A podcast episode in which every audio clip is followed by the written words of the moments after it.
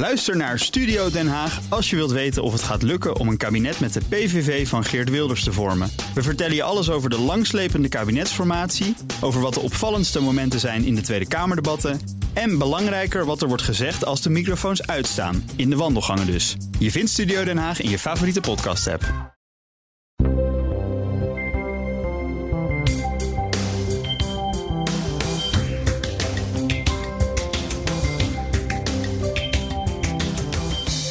De poster van Kies Exact kan ik me nog goed herinneren. Die hing bij mij op school in de jaren 80. En later was er dat Postbus 51 spotje van de slimme meid die op haar toekomst is voorbereid.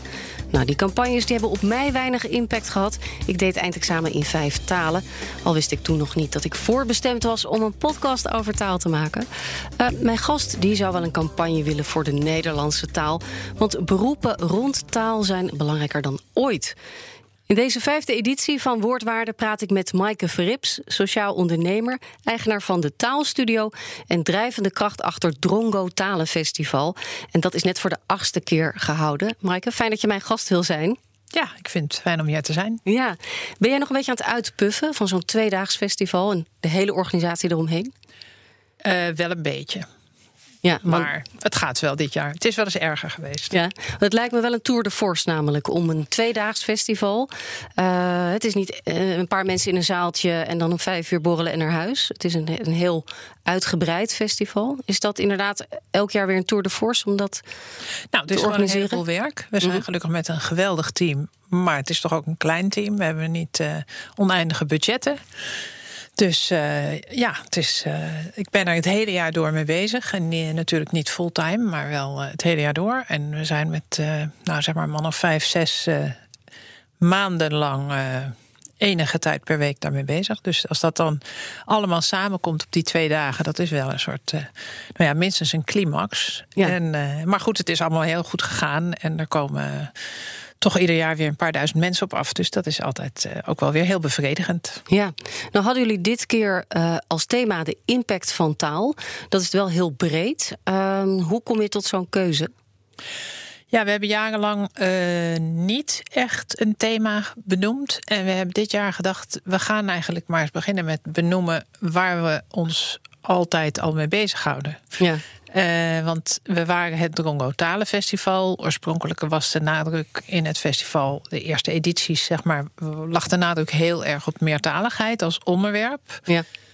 Later is dat wat verbreed, omdat we eigenlijk het evenement zijn geworden waar de taalsector in de breedte elkaar ontmoet. Mm -hmm. um, en uh, daarmee bedoel ik dus, nou ja, uh, van taalkundige onderzoekers tot logopedisten, tot tolken, vertalers, schrijvers, journalisten, tekstschrijvers, communicatiemensen. Nou, ik kan nog een hele tijd doorgaan. Ja. Maar dus al die taalberoepen, die eigenlijk, ook docenten natuurlijk, uh, die eigenlijk meestal op hun eigen evenementen komen. Mm -hmm. Eh, waar ze andere mensen met hetzelfde beroep tegenkomen. Die komen bij ons andere mensen tegen die ook van taal hun beroep hebben gemaakt op een of andere manier. Of die heel erg van taal houden. En het was ja, in die transitie, zeg maar, van een festival over meertaligheid naar een festival over taal. Mhm. Eigenlijk steeds al zo dat we ons heel erg richten op uh, wat taal doet. Ja. Uh, dus niet zozeer hoe het komt dat je een D of een T of een F of een V schrijft. Uh, of wat de geschiedenis daarvan is. Er zijn wel mensen die daarmee bezig zijn, die daar iets over vertellen. Maar toch is de nadruk in het programma meestal op. Uh, ja, nou ja, de impact van taal. Ja. Moet je dat veel uitleggen aan mensen die het festival nog niet kennen? Omdat je bij talenfestival zou kunnen denken... het gaat over Frans, Engels en misschien nog een hele exotische andere taal. Ja, ik leg inderdaad heel vaak uit wat, het, wat een talenfestival überhaupt is. Mm-hmm. dat, de naam Drongo helpt daar natuurlijk ook niet voor. Uh, want als we zouden zeggen Babel Talenfestival, dan zou ja. iedereen meteen dat in ieder geval aan elkaar knopen.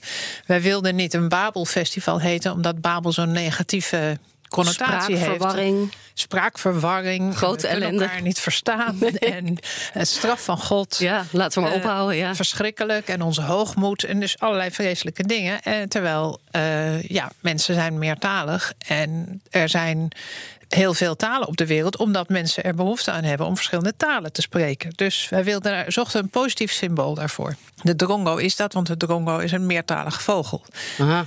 En eh, wijst ons er meteen op dat er eigenlijk in het dierenrijk heel weinig meertaligheid is, voor zover we weten nu. Eh, maar de drongo is dus echt een vogel die verschillende talen, die, vers- die verschillende dieren om hem heen nadoet en ook weet wat hij zegt. Niet zoals een merel die jouw mo- mobiele telefoongeluidje nadoet, Nee, nee. zomaar omdat het een leuk geluid is of zo. Maar ja, hij gebruikt echt de klanken van andere dieren om met ze te communiceren. Dus dat is heel bijzonder en het vonden wij een mooie kwaliteit. Daar hebben we het festival naar genoemd. Maar goed, niemand weet wat een drongo is, dus dat moeten we altijd uitleggen. Nou, bij deze, Bij deze. heb je maar weer even een Ja. platform. Eh, de vogel dus. Ja. Heb je een voorbeeld van ehm, een onderdeel van het festival waarvan je kan zeggen: daar zag ik echt die impact van taal, want daar draait het om, zag ik aan het werk? Nou, echt zoveel. Ja. Ja. Voor onderzoekers is het een heel goed platform om mensen te leren kennen die iets met hun onderzoek en hun resultaten kunnen of willen In de praktijk. Ja. En aan de andere kant is het dus voor allerlei bedrijven en ja, zeg maar taalspecialisten van allerlei pluimage heel nuttig om ja, de nieuwste onderzoekingen en de nieuwste bevindingen te ontdekken. Ja. Dus dat is in ieder geval een match die heel vaak, waar ik heel vaak van terug hoor. Ja. Ehm, dan ben jij een sociaal ondernemer. Het Talenfestival is niet iets waarvan je nou zegt: daar word ik zo ontzettend rijk van. Nee. nee. Eh, sterker nog, de toegang is eh, gratis, wat hartstikke mooi is natuurlijk. Ehm, Nou, dat krijgen de mensen niet van mij cadeau, hè? dat krijgen ze van die partners. Van al die partners, ja. ja. Wat drijft jou? Want je zou ook, eh, je zou, ja, je zou ook commerciëler werk kunnen doen. Ja. Wat drijft jou? Ja, dat is, het is natuurlijk een beetje hoe je bent, hoe je in de wereld staat. Ik vind taal heel erg fascinerend en heel belangrijk. Ik heb taalwetenschap gestudeerd, ik ben erin gepromoveerd. Ik heb me in mijn onderzoekstijd altijd bezig gehouden met hoe kinderen leren praten. En me ook altijd erg druk gemaakt over alle slechte adviezen die ouders daarover krijgen. Ja. Ehm, maar eh, ja, ik, ik zie. eh, je ziet eigenlijk om je heen dat taal over het algemeen heel negatief in het nieuws is. Ja, er is een probleem. Er is een probleem eh, en er zijn ook echt veel problemen. Dat is ook waar. Dus het is niet alleen van we framen het zo, Nee. maar het is ook zo. Ik bedoel, taal is overal. Taal bepaalt wie je bent, in zekere zin. Hè. De, de, de taal vormt je gewoon heel erg. En mensen associëren ook hun identiteit heel erg met de taal die ze spreken.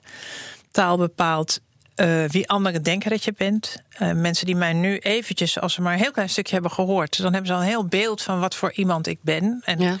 Of ik slim ben en of hoe oud ik ben en hoe lang ik ben en hoe dik ik ben. Het gaat heel ver.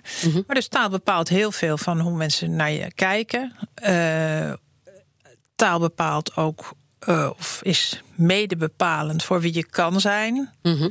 Eh, want als je je taal niet op niveau ontwikkelt, zeg maar, Mhm. dan kun je ook bepaalde niveaus in je denken en in je andere ontwikkeling eigenlijk niet of nauwelijks bereiken. Ja. Taal bepaalt voor een deel ook wie we willen zijn. Want we vertellen elkaar allerlei ideeën, ver- de verhalen en ideeën over hoe de wereld zou kunnen zijn en wat we zouden kunnen gaan doen. Ja. Dus taal is ontzettend belangrijk voor ja, al deze dingen, voor ons leven. En tegelijkertijd heb ik het idee dat er toch vrij weinig aandacht is voor die aspecten van taal. Voor, voor die kracht van taal. De kracht dus juist. De kracht die het heeft. En de, ja, de kansen, maar ook dus de, ja, de impact. Het is, eh, op een gegeven moment word je zelf heel moe van het woord. Maar, ehm, maar dat, dat, dat is echt zo. En dus het, voor mij, ehm, vanuit die optiek, laat ik het zo zeggen, is het dus onbegrijpelijk dat er heel weinig mensen kiezen voor talenstudies. Onbegrijpelijk dat er ehm, heel weinig ja, eigenlijk, ik bedoel, er is natuurlijk geld voor de bestrijding van lage letterdheid. Maar dat er zoveel lage letterdheid is in een ontwikkeld land. Mhm.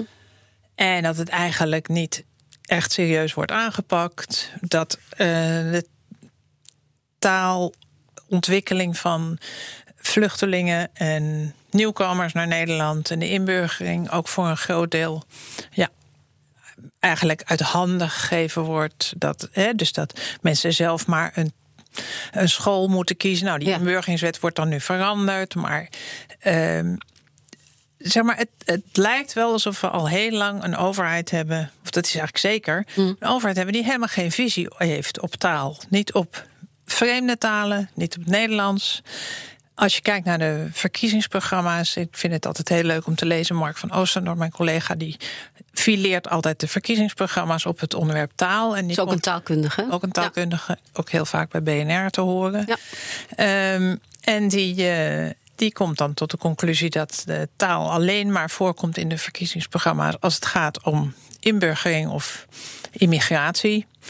Uh, thema's. En dan gaat het er eigenlijk alleen over het verschil tussen partijen die vinden dat mensen die hier aankomen snel Nederlands moeten leren. Ja, of dat ze snel Nederlands moeten kunnen leren.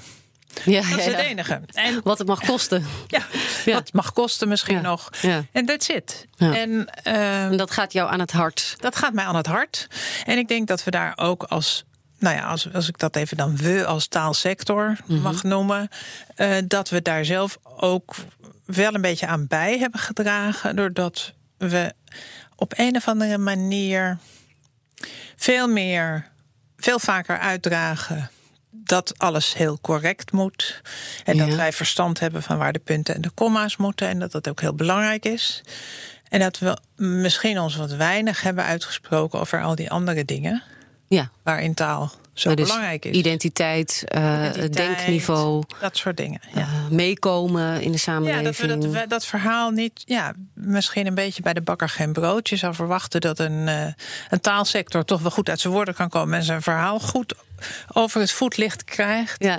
Maar heel veel mensen die zich met taal bezighouden, die zijn juist een beetje teruggetrokken die zie je niet uh, het Malieveld uh, platleggen. nee, nou ja, dat kan heus dat kan komen, komen ja. Nou, wie weet. Maar uh, dus of dat nou iets met persoonlijkheden te maken heeft, dat denk ik niet. Maar op een of andere manier is dat dus... Ja, ja. misschien... Het, het heeft waarschijnlijk ook te maken met dat we gewoon leven in een tijd waarin er op technologisch gebied ontzettend veel gebeurt. Wat een heel duidelijke, zichtbare impact op alles en iedereen heeft. Ja. Maar dus is dat niet ook allemaal omgeven door taal? Op het moment dat je je nieuwe iPhone moet gaan installeren. Precies, maar zo. Dat wordt natuurlijk weinig benadrukt. Hm. Hè? En uh, nou, we weten ook allemaal dat er dus ook een heel groot tekort is in Nederland aan mensen die voldoende technische kennis hebben. En dat er uh, heel veel behoefte is aan mensen met technische en technologische en andere beta-opleidingen. Um, dus, nou ja, die hebben misschien hun lobby ook wat beter voor elkaar. Ehm, maar uh, zelfs als we het dat niet tegenover elkaar stellen, want ik mm zie het ook niet zo als een oppositie inderdaad. De technologie is alleen interessant als we er goed mee kunnen communiceren. en mhm. daar begint het al over taal te gaan. Uh, of het nou de handleiding is of de technologie zelf waar je uh, mee interageert. Ja. Uh, of is het interacteert? Nou ja, mm. iedereen begrijpt wat ik bedoel. um, Maar uh, die technologie is gewoon heel zichtbaar. En voor iedereen dus cool en sexy en duidelijk. Van ja, dat is leuk als je daar onderdeel van uit kan maken. En dat daar dus zoveel taal aan vastzit. En dat taal ook naast die technologie nog steeds heel erg belangrijk is in de samenleving en voor mensen individueel. Eh, dat is een beetje ondergesneeuwd geraakt, denk ik. En dat gaat mij inderdaad aan het hart. Ja. En daar, uh, dat gaat niet alleen mij aan het hart, maar dat gaat ook de partners van dat festival aan het hart. Mm -hmm. dus we hebben met elkaar besloten dat dat festival inderdaad daarover moet gaan. Over hoe belangrijk taal is voor alles en iedereen. Ja. En ehm, dat we ook met dat festival zouden willen bevorderen dat ook de mensen die aan taal werken dat verhaal beter uitdragen. uit gaan dragen. Ja. Ja. Jij doet dat zelf eh, als ambassadeur van het festival, Ja. oprichter natuurlijk ook. Eh, maar je roert je bijvoorbeeld ook in opiniestukken. Eh, deze zomer had je een eh, opiniestuk in het Financiële Dagblad.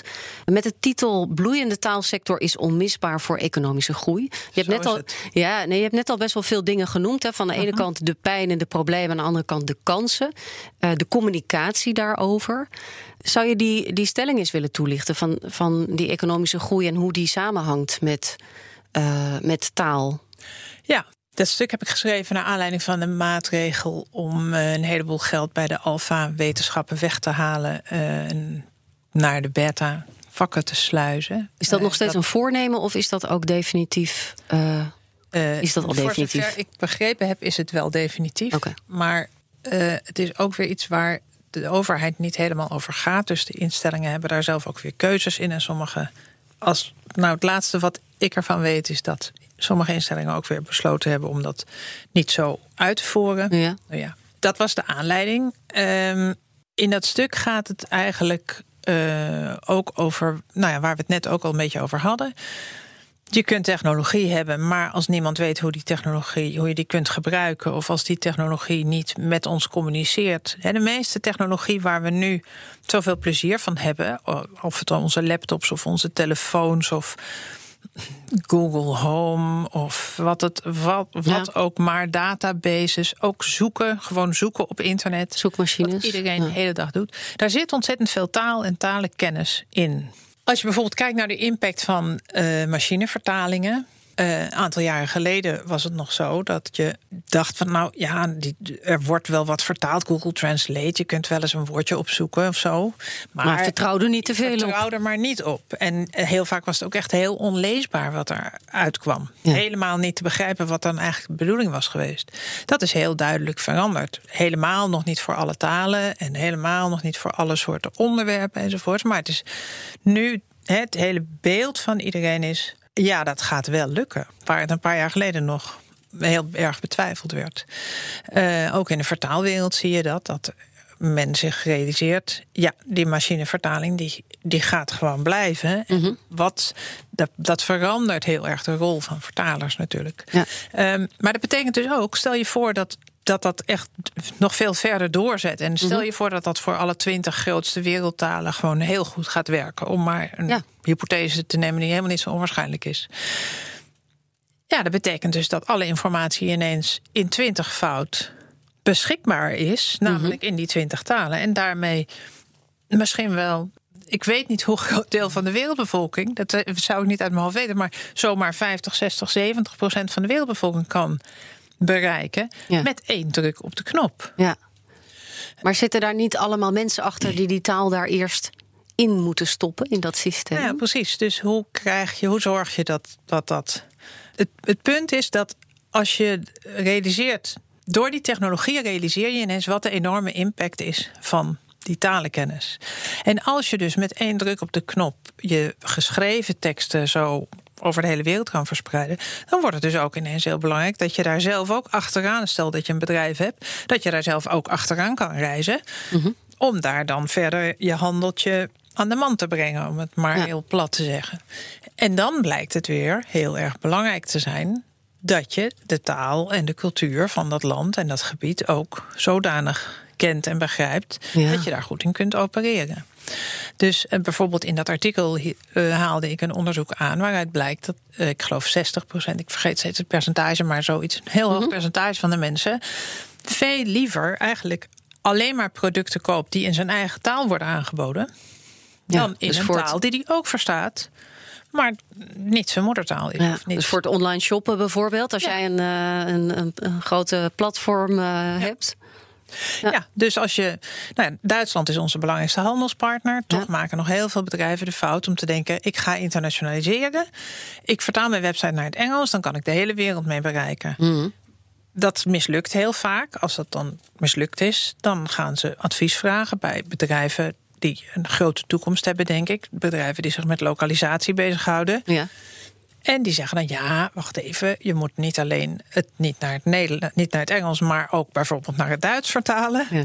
En dan moet je het niet alleen vertalen, maar dan moet je ook zorgen dat het qua cultuur aansluit op hoe Duitsers, welke plek jouw product heeft in die Duitse cultuur, of welke, wat voor soort verhalen in de Duitse omgeving ja, als succes beschouwd worden of als positief ervaren worden. Is dat een soort um, vertaler 2.0 of een communicatie, internationale communicatiespecialist? Dus wordt dit een soort beroep voor de toekomst? Ja, dat is zeker een beroep van de toekomst. Het is nu al, er zijn nu al hele grote bedrijven die uh, wereldwijd dit soort dingen doen. En je kunt ook als je grote ondernemingen zoals IKEA bijvoorbeeld, hè, die over de hele wereld zijn, uh, wel dezelfde meubels verkoopt. Ja. Soms met, geloof ik, een beetje aanpassing, maar toch heel veel hetzelfde.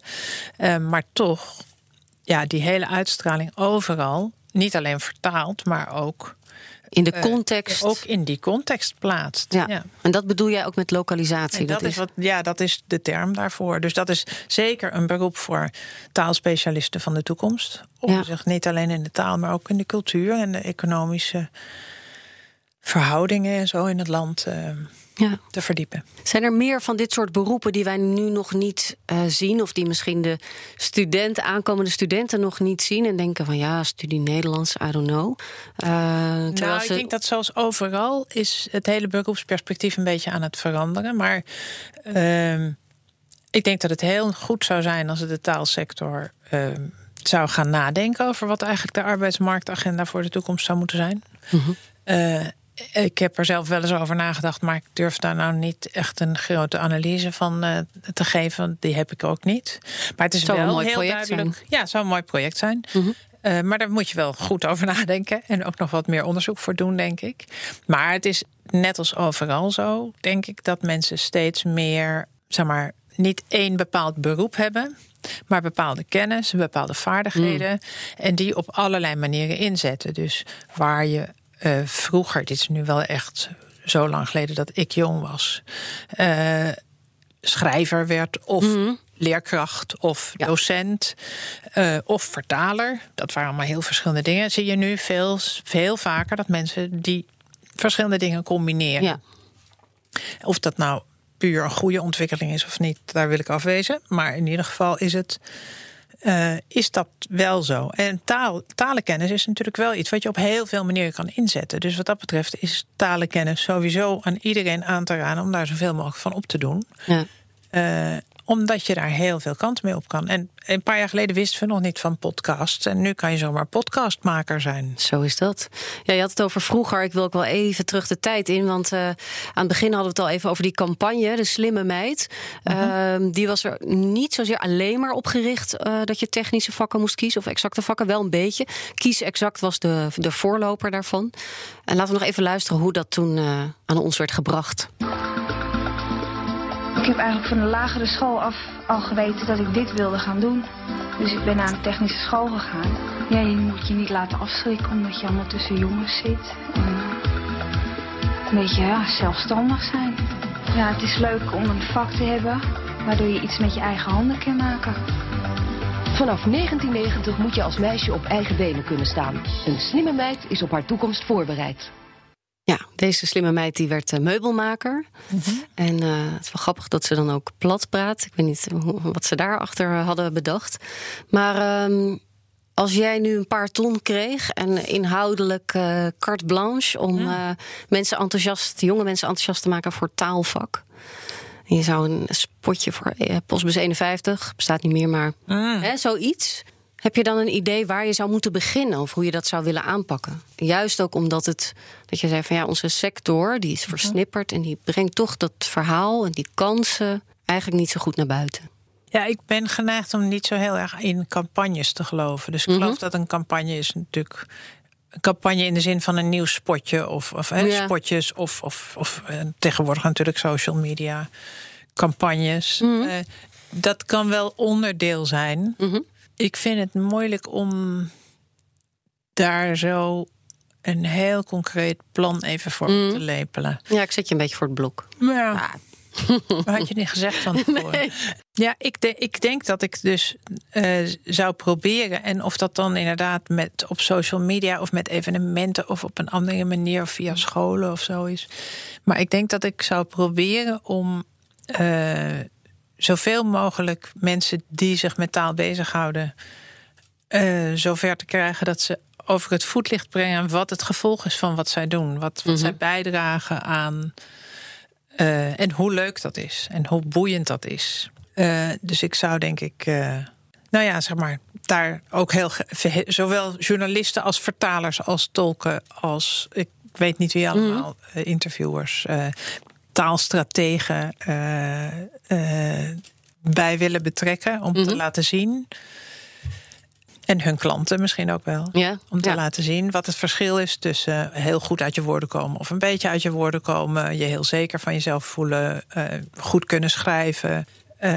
of in ieder geval iets onder woorden brengen wat het met je doet. Ik, zou, ik, ik ben natuurlijk zelf, ook omdat het festival pas net achter de rug is, maar sowieso heel erg gefocust op wat doet, wat doet dat dan? Ja. Dat verschil, Ja. wel of niet. Het is de ondertitel van deze taal. podcast. Taal maakt het verschil. Dan Ja. ben ik dus eigenlijk altijd met, altijd met mijn gasten op zoek naar Ja. eh, waar, kunnen we dat, waar kunnen we nou de vinger op leggen? En Ja. welk verschil is het dan? En liefst is het natuurlijk een positief verschil. Ja, nou ja, je, ik denk dat je ook je ogen niet moet sluiten voor. Ik bedoel, we, we, we gaan alweer naar december toe. Eh, we gaan weer een heleboel eh, horen over de betekenis van het woord zwart. En, eh, en de, ook de negatieve connotaties van allerlei termen die gebruikt worden. eh, hoe mensen uitgesloten kunnen worden door bepaald taalgebruik of door bepaalde taalnormen. Ik denk dat dat, is, dat ook iets is waarvan ik denk als je met jongeren als je je echt op jongeren zou richten, zoals jij het net eh verwoordde, ehm, dan moet je het denk ik daar ook over hebben. Ik denk dat ze daar heel veel verstand van hebben. Ja. Ook omdat ze er dagelijks mee bezig zijn.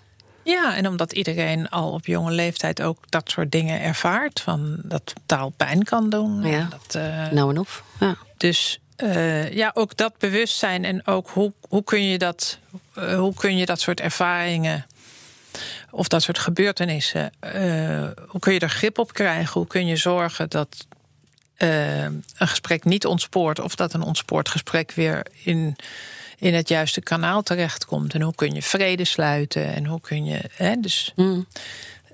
eh, zowel die negatieve als die positieve kant zijn, denk ik, eh, belangrijk. Maar vooral om te benoemen en zichtbaar te maken dat dat er allemaal is. En dat, dat, dat daar ook een heleboel werk aan te doen is. En dat, dat je daar eh, je leven heel zinvol aan kan besteden. ja. En het ons verder kan brengen. Ja, Ja. Ja. Nog even terug naar de, eh, het economische perspectief. Ja. Ehm, in jouw ingezonden brief in het FD zeg je ook van... eh, ik zou wel willen dat de minister eens in kaart bracht of liet brengen... wat nou het, eh, zeg maar de economische waarde van taal is Ja. in, in Nederland. Ben benieuwd, krijg je dan een reactie op zo'n op zo'n ingezonden brief? Ehm, Doet dat nog wat? Nou, nee, ja. Die ingezonden brief die bouwt eigenlijk ook voort op een studie die ik een jaar daarvoor of een half jaar daarvoor had afgesloten. En ik had wel het voorrecht dat ik die studie aan de minister mocht overhandigen. Kijk, Eh, dat was een studie, een verkenning van de taalsector in het Nederlandse taalgebied. Hebben we gedaan voor de Taalunie. Ook samen met iemand uit Vlaanderen, die dat in Vlaanderen in kaart bracht, en iemand uit Suriname. Ehm, en ik heb toen een prettig gesprek met de minister gehad daarover. En zij zei ook: het is heel belangrijk dat dit soort onderzoeken gedaan worden, want daarmee kan je in ieder geval een onderwerp zichtbaar maken, Ja. tastbaar maken. Dus wat dat betreft heb ik wel het gevoel dat ze het wel weet. ja.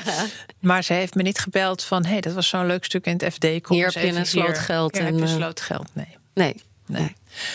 En het is ook trouwens wereldwijd. eh, er is dus een vakgebied, heel interessant. eh, dat gaat over taal en, eh, taaleconomie, zou je het kunnen noemen. Ehm, eh, het heeft allerlei verschillende namen, dat doet er nu niet zoveel toe. Maar die, dat zijn dus, da- daar, daarin onderzoekt men dus vragen zoals: wat kost het een land of wat levert het een land op als iedereen bepaalde talen spreekt of bepaalde talen niet spreekt? Of, ehm, nou ja, er wordt natuurlijk wel in het kader van de lage letterdheid soms iets berekend van wat kost het Nederland dat zoveel percentage Ehm, maar dat is een veel groter vakgebied. En ook bijvoorbeeld in Engelstalige landen, waar ehm, met name het Verenigd Koninkrijk en Amerika is het heel.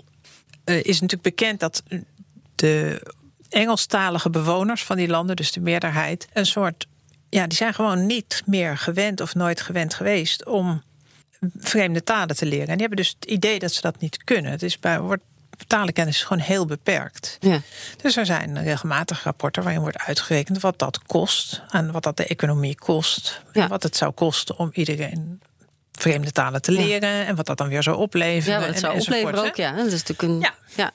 Dus eh, nou, dat soort dingen. Ook eh, in Zwitserland bijvoorbeeld is een beroemde professor die ook eh, zich eh, heeft verdiept in dingen als of die, die meertaligheid van Zwitserland, of dat nou eigenlijk een kostenpost is of, of een winstpunt. Ja. En in welke mate dan en dat soort dingen. Weet je nog wat de uitkomst daarvan was? Nou, dat is weer een ingewikkeld Een verhaal. heel ingewikkeld verhaal. Maar ook dingen zoals eh, verdienen meertalige mensen nou evenveel of beter of Ja. minder dan eentalige mensen? Dat is natuurlijk ook altijd weer afhankelijk van wat en waar en Ja. enzovoort. Maar dat, dat zijn wel interessante vragen. Dus de taaleconoom, dat zou ook nog wel eens een beroep voor de toekomst kunnen zijn. Ja, ik denk het wel. Ik zou het eh, leuk vinden als we dat in Nederland meer hadden. Ja. En eh, die taaleconoom, zien we die dan ook volgend jaar 2020 weer in, op het Drongo Talenfestival? Mm, Absoluut. Dankjewel dat je mijn gast wilde zijn, Maaike Verrips. In de volgende woordwaarde is Denise Deschamps te gast. Zij is oprichter van de Body Language Academy, expert in lichaamstaal. Eh, je vindt woordwaarden in de BNR-app of op bnr.nl en ook in Spotify en iTunes. Dankjewel voor het luisteren en tot de volgende keer.